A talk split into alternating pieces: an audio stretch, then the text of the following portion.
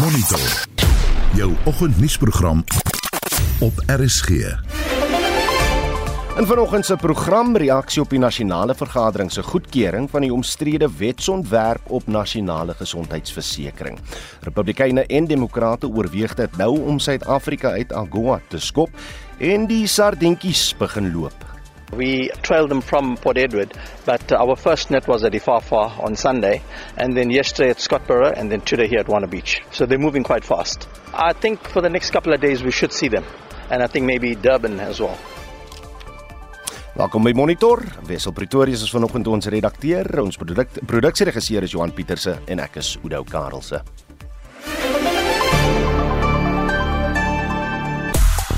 Pitso Mosimane is weer beskikbaar as afrigter. Sean Bartlett en Cape Town Spurs poog om in die DStv Premier Liga te speel.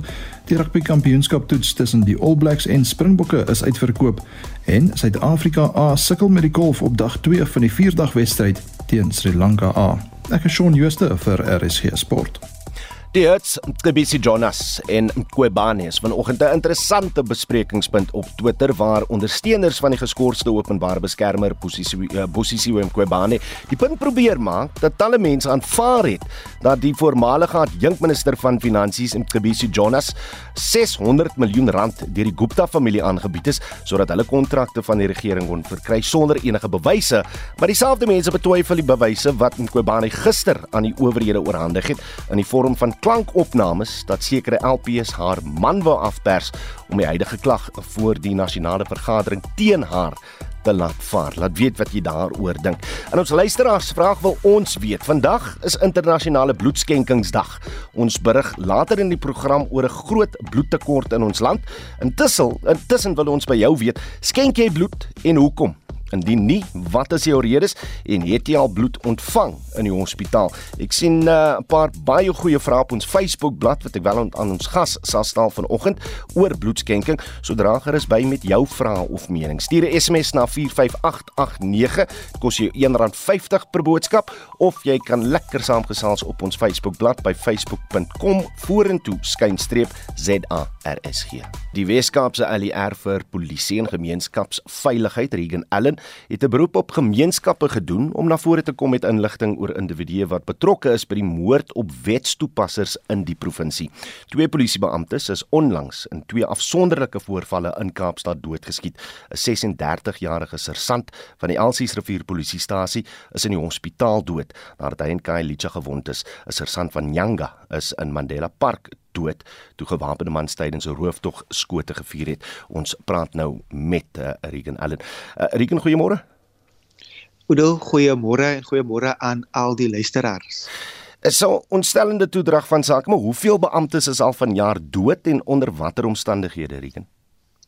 Um, Udo ek wil eers sê nee dat ons is baie diep geskok oor die moord op die twee polisiebeamptes uh, my standpunt is baie duidelik in die verband dat 'n aanval op enige wetstoepasser um, wat die Suid-Afrikaanse Polisie dienslede insluit is 'n aanval op die staat. Ons wil nie dit sien nie, ons wil nie van dit hoor nie.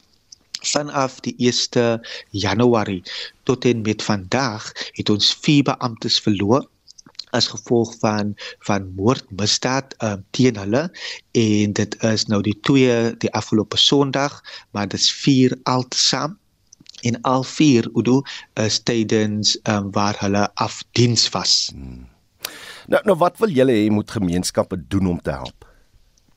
Ons vra gemeenskappe om asseblief enige inligting wat hulle mag hê um, om dit aan te meld. Hulle kan dit anoniem doen. Hulle kan dit aan die Suid-Afrikaanse Polisie Diens of direk aan my kantoor ook um, 'n meedeel sodat ons hierdie leidrade en hierdie persone wat van belang is kan um, kan opvolg en kan soek sodat hulle kan in hegtenis geneem word. Ons wil nie hê dat enige situasie moet wees waar waar daar blaatante kriminele aktiwiteite is en waar dit selfs na moord lei soos in hierdie gevalle hmm. en daai perpetrators loop nou die die paaie um, rond ons wil hê hulle moet agter tralies wees so enige inligting sal ons waardeer maar maar dis die groot probleem die die mense wat hmm. doodskiet, die mense wat uh, beamptes aanval, bly nog steeds in dieselfde gemeenskappe met die mense wat wat julle nou uh, vra vir inligting. Mense wil nie veilig daar buite nie. Mm, ons voel altyd Udo en ek kom van een van daai sulke gemeenskappe, nê? Nee? En ek is bewus, ehm um, baie kere dan voel mense ek kan nie die inligting oorgee nie van wat as iemand uitvind of ek wil nie betrokke raak nie van dis nie my saak nie hmm. maar ek wil vir taffe gemeenskapslede sê 'n moord enige misdaad dit is almal se saak van dit affekteer vir almal ehm um, dis 'n misdaad teen die staat is 'n misdaad teen die gemeenskap van niemand se lewe moet net so geneem word nie. Van ons het gesien Udo, um, vir die eerste kwartaal se misdaadstatistieke, ons het positiewe vordering gemaak om die moordsyfer te verlaag, maar die misdadigers ehm um, lyk my hulle is op 'n plan om teen te werk ehm um, in die vordering wat ons al alreeds gemaak het al. Maar ons vra dat gemeenskappe hulle kan selfs deur die GPF werk. Mm. ons weet die GPF werk om die vertroue tussen die Suid-Afrikaanse polisie diens en gemeenskappe te herbou en te versterk. So uh, so so ons werk hard in hy verband om saam met gemeenskapslede te werk. Kom ek vra jy net ongeag van waar jy in die Weskaap bly wat is die maklikste manier om anoniem uh, met die polisie in verbinding te tree oor hierdie uh, voorvalle Hmm. Die maklikste sal dan wees om 10 101 te skakel om die oproep te maak om die inligting oor te gee om die spesifieke details dan ehm um, oor te handig byvoorbeeld dat jy is bewus wie dit is byvoorbeeld of jy kan sê jy het so 'n motor gesien en jy onthou dat die motor se ehm um, se number plate is ABNC, um, sodat ons kan opvolg. Daar is talle maniere wat ons opvolg op die verband, CCTV kameras wat wat ook gebruik word sodat ons daai leidrade kan opsoek. Ons wil verseker maak dat dat ons kry hierdie die die misdadigers wat so op so paie so onveilig maak. Goed, ek wonder hoeveel mense nog 10111 skakel as daar misdaad in hulle gebied is. Maar Regan Allen, baie dankie vir jou tyd hier op Monitor. Hy is die Weskaapse minister van gemeenskapsveiligheid. Die geskorste openbare beskermer, advokaat Busisi Wemkwabane, het gevra dat die ondersoek na geskiktheid om haar ampt te beklee beëindig word of dat die voorsitter, Richard Jantjie, verwyder word. Kwabane het gistermiddag die media in Sandton, uh, Sandton aan uh, toegespreek. Sy beweer dat Jantjie wyle kabinetsminister Tina Joemat-Pettersen en die ANC hoofsweep Pemi Majodi Dina haar probeer afpers het om haar artikel 194 ondersoek na haar geskiktheid om die ampt te beklee te laat verdwyn. Sy het gesê dit is ongelooflik dat ten spyte van die beweringe en bewyse wat sy van omkopery en afpersing teen Jantjie gelewer het vir teenwoordigers van verskeie partye wat aan die ondersoek deelneem daarop aandring dat hy as voorsitter aanbly. Mitsi van der Merwe doen verslag. Busisiwe Mqwebani, die geskorste openbare beskermer, het 'n paar audio-opnames van die twee ontmoetings wat haar man, David Skosana, met Jumat Petersen gehad het aan joernaliste vrygestel, tesame met transkripsies van WhatsApp boodskappe tussen die twee van middel tot einde Maart vanjaar. Sy het verduidelik dat die openbaarmaking in die openbare belang is, veral in die lig van 'n media wat oor die algemeen teen haar is. It is therefore in the public interest to release the evidence now, lest the investigations will be dragged on for years like the Palapala investigation by various state agencies such as SARS, SAP, the Hawks and Public Protector South Africa. The WhatsApp messages, which speaks for themselves, are attached to the statement. The main parts of the audio recordings will be played to the public when I finish reading the statement, read together with the WhatsApp messages. This should put it beyond doubt that there was solicitation of bribes in a corrupt manner. Sy het aan die joernaliste gesê dat die 194 ondersoek na haar geskiktheid om die ampt te beklee onmiddellik beëindig moet word in die lig van die omkopery en afpersingsskandaal of dat voorsitter Deanti verwyder moet word. Mqwebane het voorheen die howe genader om Deanti te kry om homself te onttrek sonder sukses. Maar het verlof gekry om teen die beslissing van die appelhof te appeleer.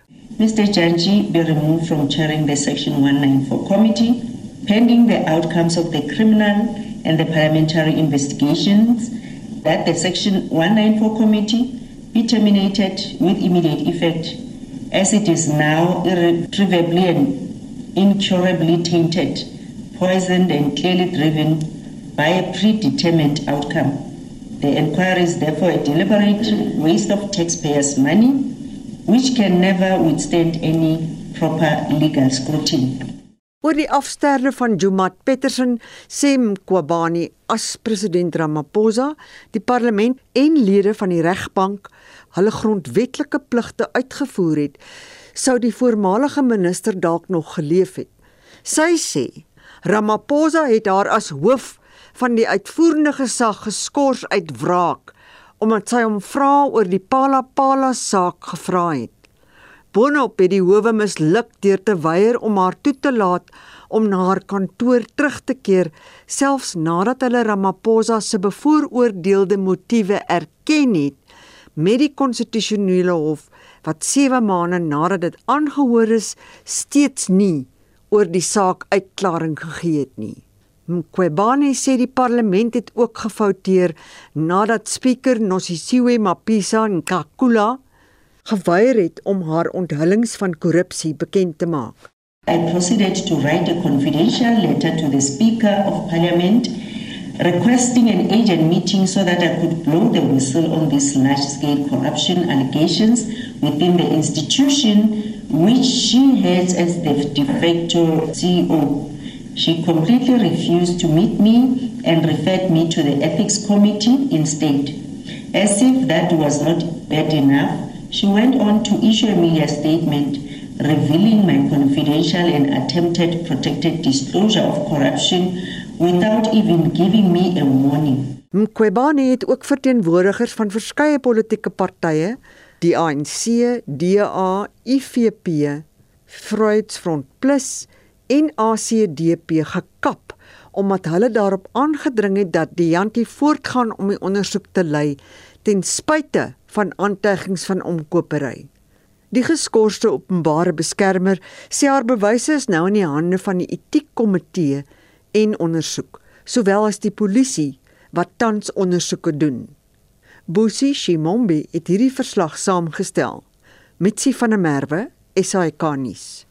Die stad Johannesburg se raadslid van finansies, Dada Morero, sê die stad benodig dringend 4,3 miljard rand maandeliks om sy bedrywighede te finansier en om dienste aan inwoners te lewer, fondse wat hulle nie het nie. Morero het gister die stad se 2023-2024 begroting aangekondig. Ons praat nou met Willie van der Schuyf, self 'n voormalige raadslid van die Metro en nou 'n gemeenskapsaktivis van Dorpe 100 Dialoog wat hom beywer om falende munisipaliteite landwyd om te draai. Wil jy goeiemôre? Uh môre hoe môre aan die luisteraars. Morero sê met 'n begroting van 81 miljard rand staan die stad se bedryfsuitgawes op 73 miljard rand en dan daar nie genoeg geld is om die stad se uitstaande skuld te diens nie. Is Johannesburg in 'n finansiële krisis? Absoluut, absoluut is daar 'n krisis. Uh en Raslid uh, Morero het dit baie duidelik uitgelig daaroor. Maar in dieselfde asem het hy ook gesê dat daardie druk waaronder die stad is, uh is daar oplossings. En die oplossings lê natuurlik daarin dat ons as gemeenskap in Johannesburg moet betrokke raak. Uh dit is die sleutel tot alles. As ons begin kyk net, eh, hoe hoe dan Ja, jam, ja, jammer, voltooi. Uh, as ons kyk wat gedoen moet word, dan het die Johannesburg gemeenskap die vermoë om hande te vat met die stadsraad en met oplossings te kom. Raadslid Morero het 'n duidelike hand uitgereik na gemeenskappe, na beleggers om te sê luister, kom help ons. Maar dit is 'n twee kant storie. Hmm beide beide moet aan boord kom. Daar moet 'n duidelike vennootskap in plek geplaas word en die trust moet in plek geplaas word sodat al die rolspelers in die stad hierdie uitdaging kan pak. Maar wil jy jy, jy voel wel Morero maak die regte geleide, maar dat dit nie noodwendig die stad se probleme gaan oplos nie. Nee, nee, en die stad se probleme kan opgelos word. Ons het in die verlede al soortgelyke probleme gehad, hmm. maar deur ons totale gemeenskap te mobiliseer waar die stadsraad self raadslede sonder uh, eie agendas hmm. na die gemeenskappe gekom het en gesê het dit is ons probleem hoe help julle ons? En dit is waar die sleutel lê om hierdie stad om te draai. Johannesburg as 'n stad van entrepreneurs sedert 1886 toe goud ontdek is het die vermoë om dinge om te draai en daardie opmerking wat Raadslid Morero gemaak het we bloot kan ons uh, gebruik en ons kan die dinge regstel mits daar betrokkenheid is. Die die twee groot probleme tans is water en krag toevoer. Is daar genoeg begroot om foute en probleme reg te maak? Want ons sien nou hoe sit burgers aan die suide sonder water en in die noorde sit burgers daar lank sonder krag want niemand kom om om foute reg te maak nie. Absoluut. Jy is heeltemal korrek oor daardie twee punte sopas genoem. Maar weer 'n keer kom dit daarop neer dat ons moet as gemeenskappe hande vat met die amptenary, beginnende byvoorbeeld met City Power. En kom ons kyk net wat gebeur op grondvlak. Die infrastruktuur van City Power word op 'n daaglikse basis besteel, gevandaliseer en so meer. Daar sit ons met gestruktureerde buurtwagte reg deur Johannesburg. Hulle kan betrokke raak. Raadslid Morero praat daarvan 'n bedrag van iets soos 157 miljoen rand wat hy beskikbaar wil maak om infrastruktuur te beskerm soos byvoorbeeld mini substasies en so meer. Mm. Gee die buurtwagte byvoorbeeld die geleentheid om betrokke te raak daarso dat hulle hierdie infrastruktuur begin beskerm, dat hulle slotte in die praktyk aan hierdie deure van die kaste sit en dit kan afgehaal word op 'n sentrale punt. So die oplossings is daar. Net net laaste vraag en en spesifiek wil ek vra oor die uh, 23,7 miljard rand wat toegewys is uh tot alternatiewe kragbronne. Wat is die plan? Wat sê die begroting? Hoe gaan hy geld aangewend word? Wel kyk, die begroting praat van sonenergie die uit die in die eerste plek. Dit praat van uh son ehm uh, geisers wat geïnstalleer sal word uh en so meer. Nou daar is ook 'n groot geleentheid wat daaruit kom. Mits die raad uh vir die ouens wat belê in sonenergie die geleentheid gee om met die minste moontlike rompslomp daardie tipe van uh infrastruktuur aan te skaf, kan dit 'n sinvolle bydrae maak tot die kragverbruik van die stad en ons kan ook veral wat ons pensionaarsse aanbetref daardie oorskotkrag terugverkoop aan City Power wat 'n addisionele inkomste gee vir ons pensionaarsse en wat ook 'n bydrae maak tot die ekonomie van die stad. Dawie van der Skuyf, dankie vir tyd op Monitor. Hy's 'n voormalige raadslid en nou 'n gemeenskapsaktivis van die Dorpe 100 Dialoog wat hom beywer om faalende munisipaliteite landwyd reg te ruk. Ons sê dan goeiemôre aan Annelien Moses. Uh Annelien, môre, watter nuus is besig om wêreldwyd opslae te maak? Môre Udo, in Amerika is die storie wat almal aan die gons het, gister se hofverskyning van oud-president Donald Trump. Trump het onskuldig gepleit op 37 aanklagte. Hier is wat hy kort na sy hofverskyning aan sy ondersteuners in New Jersey gesê het. Today we witness the most evil and heinous abuse of power in the history of our country. Very sad thing to watch. A corrupt sitting president had his top political opponent arrested on fake and fabricated charges of which he and numerous other presidents would be guilty. Under the Presidential Records Act, which is civil, not criminal, I had every right to have these documents. Dit was Amerika se voormalige president Donald Trump en die dokumente waarna hy verwys bevat geklassifiseerde inligting. Dit is gevind by sy Mar-a-Lago landgoed in Florida. Die BBC het ook met 'n intelligensiekenner Mark Jade gepraat oor wat die toekoms vir Trump inhou. There's some false statement charges, there's obstruction charges. I think realistically pushing aside that it's Donald Trump as a former president if convicted, that individual, if it were normal, would be facing jail of around 10 to 20 years. But it's the former president of the United States. So, and of course, if he drags it out and he's reelected president, even if convicted from a federal standpoint, he can make the case go away. He would be in charge of the Justice Department, or he can try and pardon himself, which has never been constitutionally done. So nobody knows actually what would happen. En dit was Mark Jade intelligensie eh, kenner eh, by eh, bly ingeskakel vir meer oor die storie 'n bietjie later in die program. En ek sien in Oekraïne beweer amptenare dat Rusland 'n massiewe missielaanval op 'n woonstelgebou en pakhuis in die stad Kryvyi uitgevoer het. Ja, minstens 10 mense is dood en 28 beseer. In 'n video wat op president Volodymyr Zelensky se Telegram-kanaal geplaas is, kan gesien word hoe voertuie en bome verkoel en hoe vlamme in 'n brandende gebou geblus word. Die beeldmateriaal is deur 'n ooggetuie van die nuusagentskap Reuters geverif geverifieer. Volgens die land se militêre bevelvoerders het lugmagte 10 uit 14 missiele en 'n Irans vervaardigde hommeltuig vernietig wat Rusland afgevuur het. En dan is 3 lede van die spesiale magte by 'n militêre basis in Japan geskiet. Oor die voorval het op 'n skietbaan plaasgevind, maar min inligting is tot dusver bekend. Shaima Khalil van die BBC berig.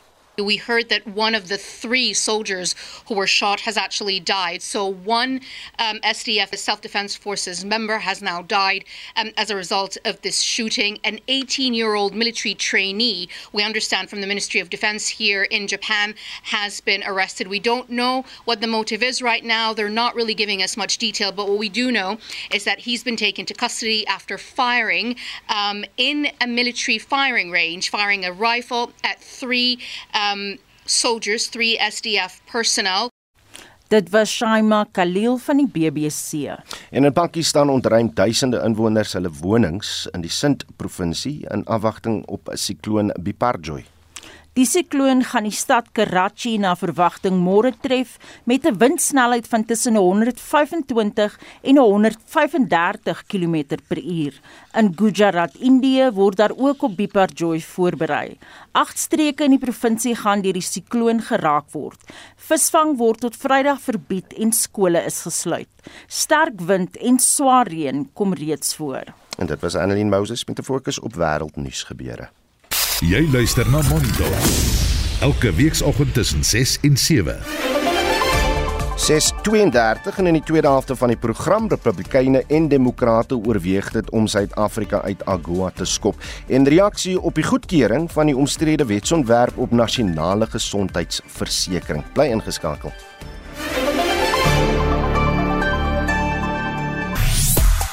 Dag vandag is internasionale bloedskenkingsdag en ons berig later uh, in die program oor 'n groot bloedtekort. Intussen wil ons by jou weet, skenk jy bloed en hoekom? Indien nie, wat is jou redes en het jy al bloed ontvang in die hospitaal? William Juma sê ek hou van die idee dat iemand iewers gehelp word daardeur en uh, ek het nog nooit dit nodig gehad nie um, en ook nie ontvang nie. Esther Steenkamp sê ek het gereeld geskenk. Deesdae word ek flou wanneer ek skenk. Die personeel personeel by die bloedbank sê ek hou hulle op hulle tone. Uh Bia Hayward sê het geskenk toe ek jonger was en het gekry, nou is ek oud. Dis 'n vraag wat na vore kom deur uh, baie van die luisteraars. Kan jy te oud wees om bloed te skenk? Sal dit wel aan ons gas stel bietjie later. Maar stuur jou SMS na 4588919 R50 per SMS of jy kan saampraat op ons Facebookblad by facebook.com vorentoe skynstreep ZARSG. Reg Shaun Joost is nou gereed met uh, vanoggend se sportnuus môre Shaun.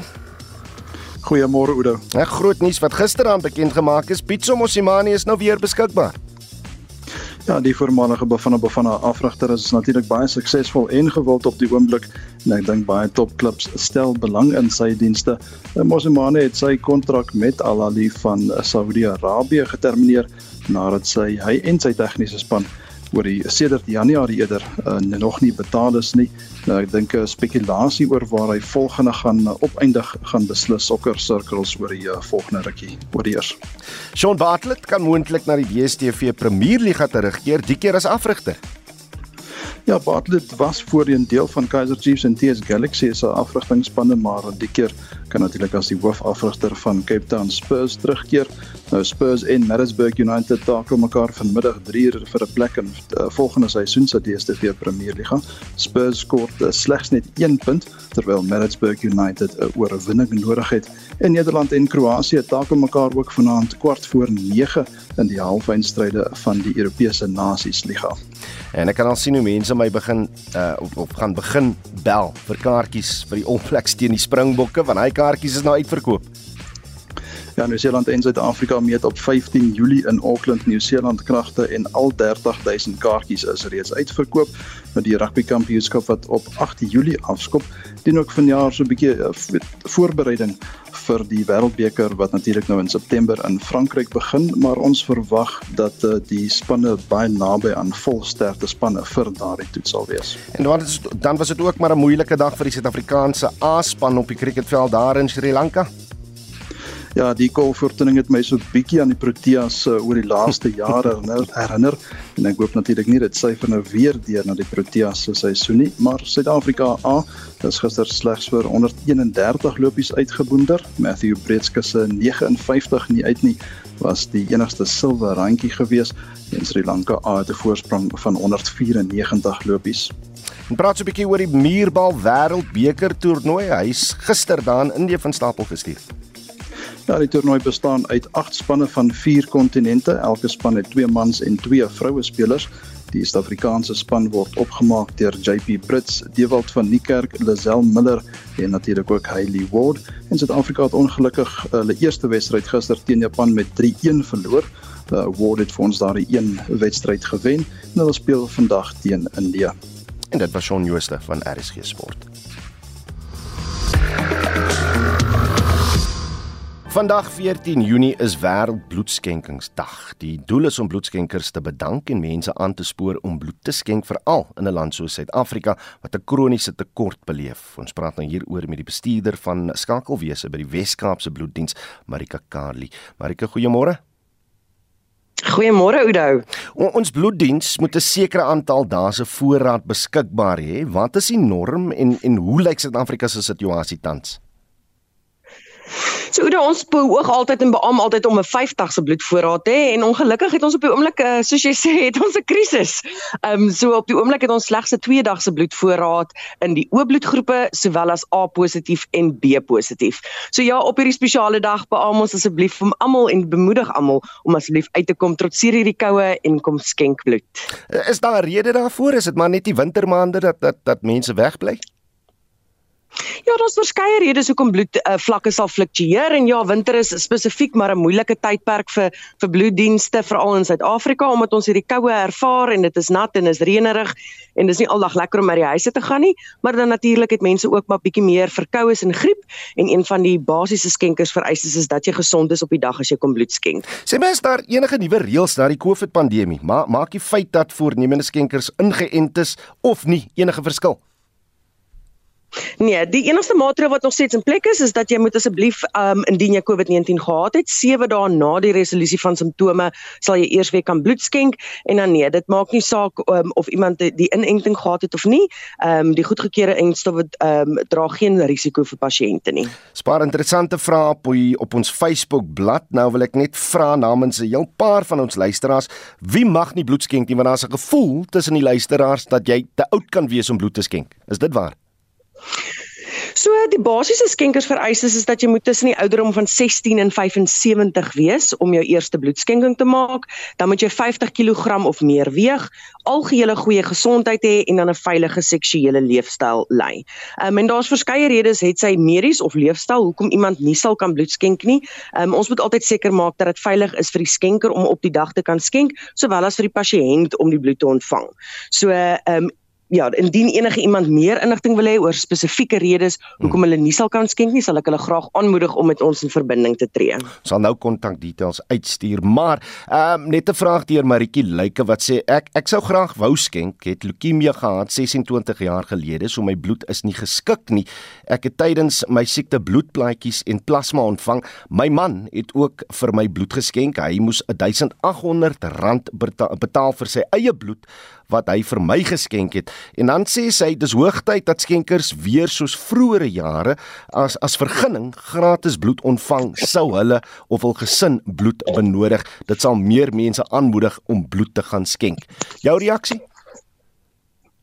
Ehm um, ek verstaan heeltemal waar Maritjie vandaan kom. Die rede hoekom daar 'n betaling aan dit is is sodat elke liewe eenheid moet getoets word. So het sy of jy dit van jou van jou familie af kry en of jy dit van enige iemand van die vrywilligers wat bloed skenk kry, elke liewe eenheid volgens internasionale standaarde moet getoets word. So elke hmm. eenheid word getoets vir HIV, hepatitis B en C en sifilis en dan ook bloedgroepering. En natuurlik die insameling van bloed, die fasiliteite en dan die toetsing het het kostes aan verbonde. Ehm um, die die betaling aan bloed is dis daarvoor en nie vir die bloedproduk self nie. Ehm um, en ongelukkig is ons die die die veiligheid van bloed bloedvoorraad is so ongelooflik belangrik dat ons ongelukkig nie daarvoor daar dan 'n koste aan kan gee aan iemand of kan sê kom skenk bloed en kom en jy mag dit later verniet kry nie. So die rede hoekom mense bloed skenk is omdat hulle graag wil lewens red. Ehm um, en ja, daar is so deur 'n verskil te kan maak. Reg, ons begin uh, deur om te praat oor die kritiese tekort aan bloed op die oomblik. Hoe moet belangstellendes maak om te kan uh, skenk? So, vind jou naaste kliniek so gou as moontlik asseblief. Ehm um, en uh, ja, kom kom skenk bloed. Asai, uh, Marika Kadli is die bestuurder van skakelwese by die Wes-Kaapse Bloeddiens en uh, ons moedig jou aan om wel bloed te gaan skenk. Net 2 dae se voorraad wat oorbly. Die norm is dat ons ten minste 5 dae se voorraad moet hê reg oor die land. Nou vier Amerikaanse senaatslede het in 'n brief aan president Biden se kabinet versoek dat Suid-Afrika se bande met Rusland gevolg moet hê. Hulle eis onder meer dat die AGOA Forum wat later vanjaar in Suid-Afrika aangebied word, verskuif word. Die FSA, Suid-Afrika se tweede grootste handelsvernoot. Ons praat nou met Jaco Kleinhans van Solidariteit se afdeling vir internasionale betrekkinge. Jaco, goeiemôre. Goeiemôre Udo. Wat staan in die brief wat aan Biden uh, geskryf is? Ja, ehm um, uh Udo, ek dink hierdie is 'n verdoemende brief. Ek dink 'n mens moet besef hoe ernstig dit is as jy kyk wie die ondertekenaars van hierdie brief is. Jy het nou verwys na die vier lede van die Amerikaanse Kongres wat die brief onderteken het. Hulle is belangrike voorsitters van komitees wat moet besluit of AGOA ehm um, hierdie wetgewing waar wat natuurlik vir ons toegang gee tot die Amerikaanse mark uh, of dit in 2025 hernie moet word. Ehm um, uh en hulle is uh absoluut die individue wat handel uh in 'n sekere rigting en oor die volgende paar jaar uh, kan stuur. Nou hierdie brief verwys baie spesifiek na Suid-Afrika se posisie van ehm um, van ongebondenheid, ons ons verhouding met Rusland en dan beweer hulle in die brief dat ons as Suid-Afrika een ding sê maar 'n ander ding doen en dan noem hulle voorbeelde hmm. van waar Suid-Afrika homself eintlik militêr by Rusland geskaar het, onder andere die gesamentlike vlootoefening vroeër vanjaar. So die eerste stap wat hier versoek word is dat die forum verskuif moet word. Dis 'n jaarlikse byeenkoms wat een keer in Amerika plaasvind en dan 'n ander jaar uh, in 'n Afrika land. Dit moet in November in Suid-Afrika plaasvind. Um, en nou ja, ek dink die verskuiwing van hierdie forum sal dan nou 'n duidelike boodskap aan Suid-Afrika stuur dat ons posisie binne AGOA um, riskant is. Onthou die Amerikaanse president um, kan besluit wie kan voordele kry uit AGOA terwyl die wet uh, nog steeds geldig is. sien jy dit as die eerste stap van die VS om Suid-Afrika uit AGOA te skop? Dit is dis sonder twyfel uh, kan dit die eerste stap wees. Kyk, dit is nie net um, hierdie lede van die kongres wat hulle kommer uitgespreek het gisteraand het eh, 'n uh, topamptenaar in die Withuis ook tydens 'n media konferensie gesê dat hulle bekommerd is oor Suid-Afrika se verhouding met Rusland en China.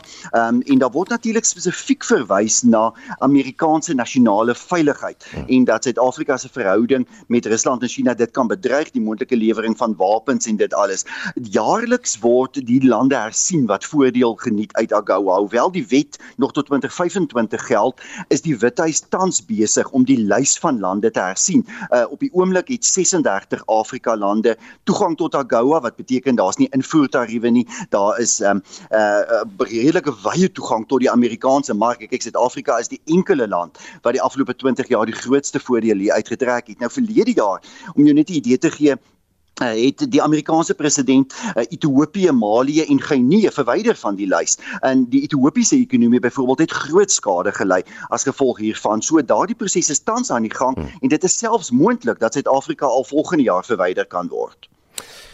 Wie wie wie se besluit sou sou dit wees teen die einde van die dag?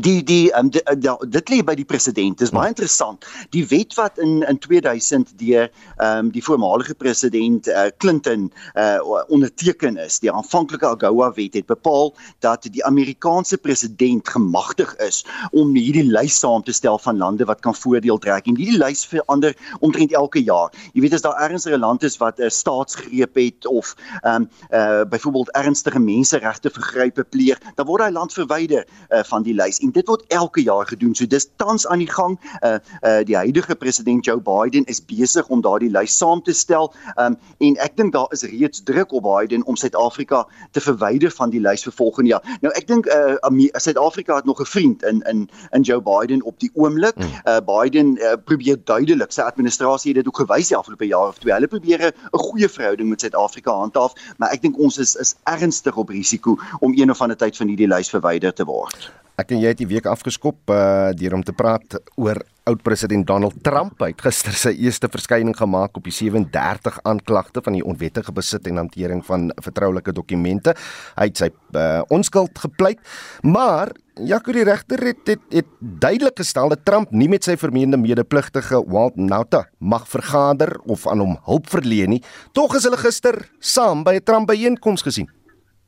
Ja, nou, dit is 'n groot uitdaging, Oudo. Jy weet Trump is dikwels uh, sy eie grootste vyand. Ek sien een van die groot Amerikaanse koerante skryf vanoggend presies dit, jy weet, uh, uh dat Trump um, dikwels roekeloos optree en eintlik amper hierdie soort van uh, hierdie hierdie ernstige sake met 'n soort arrogansie benader wat homself in die voet skiet. Ehm um, die regter was baie duidelik, hy mag nie met moontlike getuienis ook ehm um, uh inmeng nie. Hmm. Ehm um, en ek dink daar lê 'n uitdagende tyd voor die volgende paar weke en maande vir Amerika. Ek dink is eintlik um, 'n neerdrukkende uh, tyd vir Amerika dat in die eerste keer in die geskiedenis 'n voormalige president ook uh, een van die voorlopers nou nou krimineel vervolg word en en, en dat hierdie ding nie uit Jehovah uitgehou kon word. Die Trump um, uh het, het duidelik opsetlik verkeerd opgetree. Hy kon 'n uh, saak verhoed het deur eenvoudig met die owerhede saam te werk. Die owerhede moes ook meer gedoen het uh, om om te verhoed dat hierdie saak uiteindelik in 'n hof beland wat natuurlik hierdie geweldige verdeeldheid in Amerika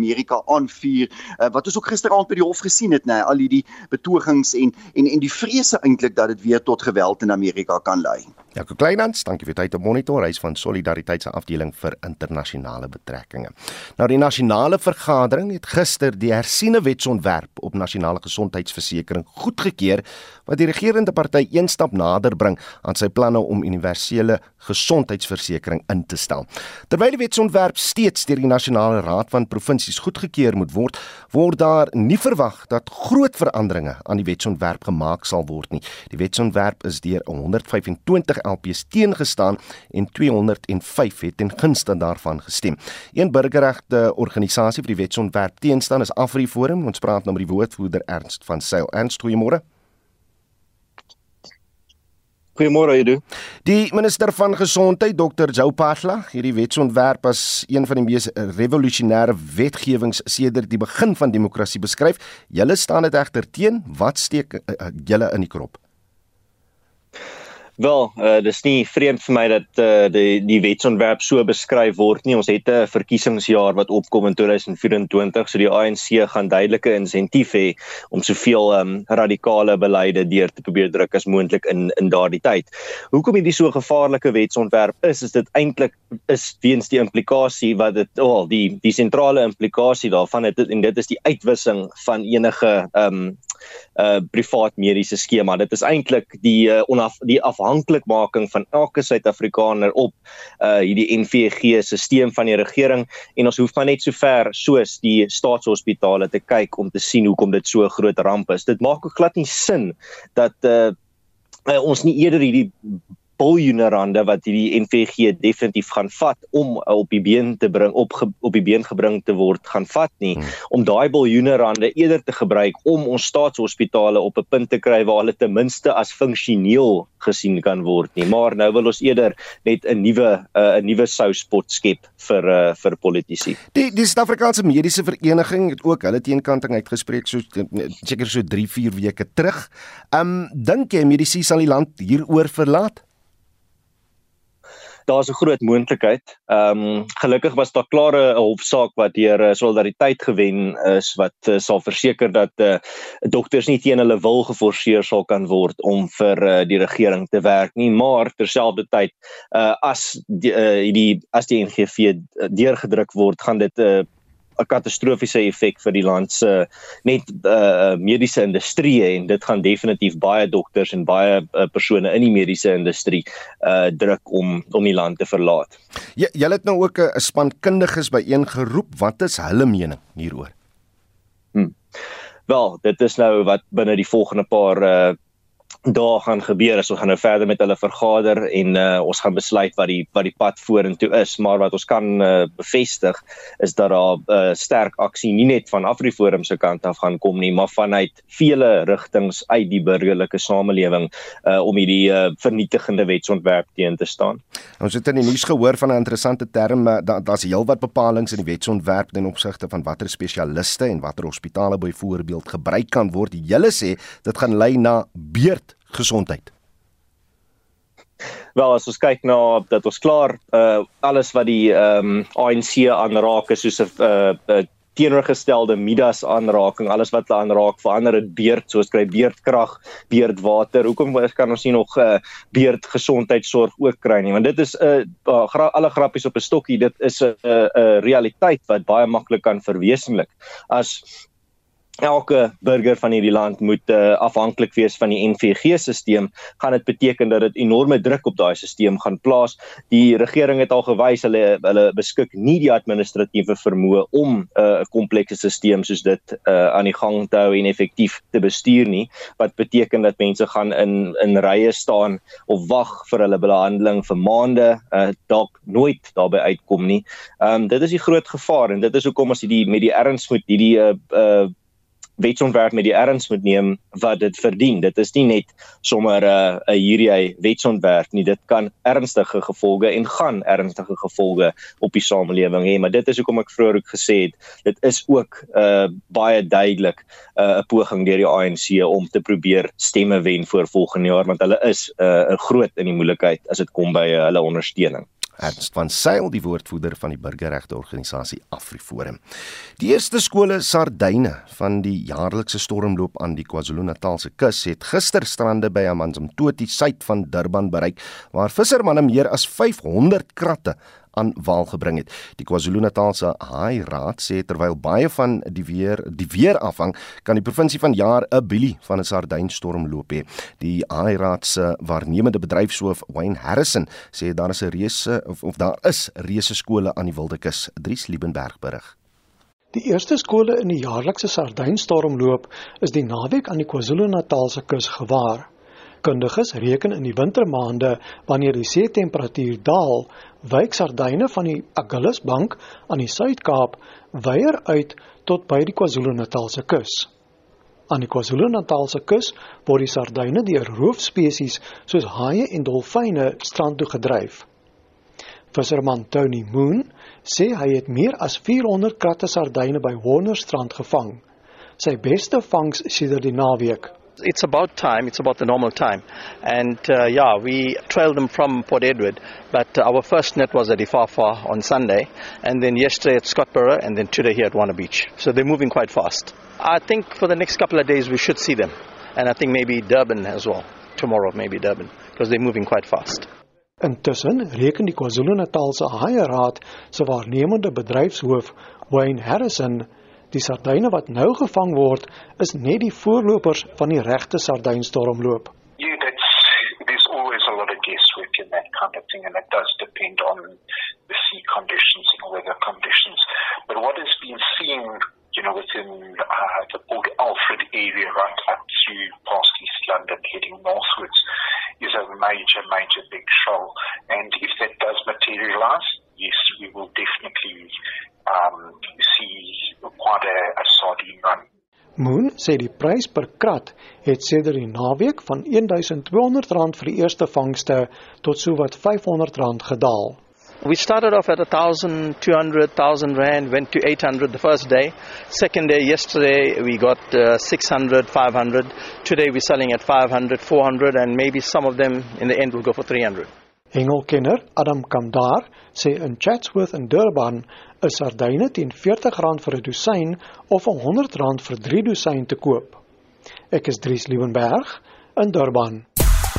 Reg, ons praat vandag oor bloedskenking want dis internasionale bloedskenkingsdag en ons wil weet skenk jy bloed en hoekom indien nie wat is jou redes en het jy al bloed ontvang in 'n hospitaal? Ons het met uh die mense van die bloedbank natuurlik gepraat vanoggend. Jy 'n paar vrae, uh maar kom ons kyk op die SMS lyn sê Linda van Port Elizabeth, bloedskenkersdag. Ek het meer as 150 eenhede bloed uh van O positief geskenk, maar wanneer ek sou 'n bloed nodig hê, dan moet ek betaal daarvoor of 'n motiveringsbrief skryf aan die uh uh bloedbank. Hoekom? Vra Linde. Wel, ons kenner het vanoggend gesê dit dit die administratiewe en insetkoste van die hantering van hy bloed is is hopeloos te hoog om enigsins bloed verniet te verskaf aan die wat skenk. Dit was die verduideliking vanoggend gewees uh op die program. En dan sê Samuel Walters, ek het jare lank bloed geskenk, swak diens en nodelose soek na area diens het my van plan laat verander. Eintlik dis anoniem. Dan sê Samuel Walters van Gouda Ek skenk bloed van uh, die 80er jare af en kry al al die jare geskenk of geskenkies uh, en wil net sê dankie aan die bloedbank. Dis nou Samuel Waters. Wat is jou mening? Wat is jou ervaring? Laat weet stuur 'n SMS dan 4588919 R50 per boodskap of jy kan saampraat op ons Facebookblad by facebook.com vorentoe skynstreep ZARSG. Onthou vorige uitsendings van eh, Monitor Spectrum brandpunt naweek aktueel en kommentaar is op RSG se webblad as 'n potgooi beskikbaar. Gaan net na www.rsg.co.za. Ons groet namens ons uitvoerende regisseur Nicoline de Wee. Ons redakteur vanoggend is Wessel Pretoria Pretoria is ons produksieregisseur Johan Pieterse en ek is Oudou Karelse. Goeiedag, geniet om in die geselskap van RSG op en wakker is volgende. Totsiens.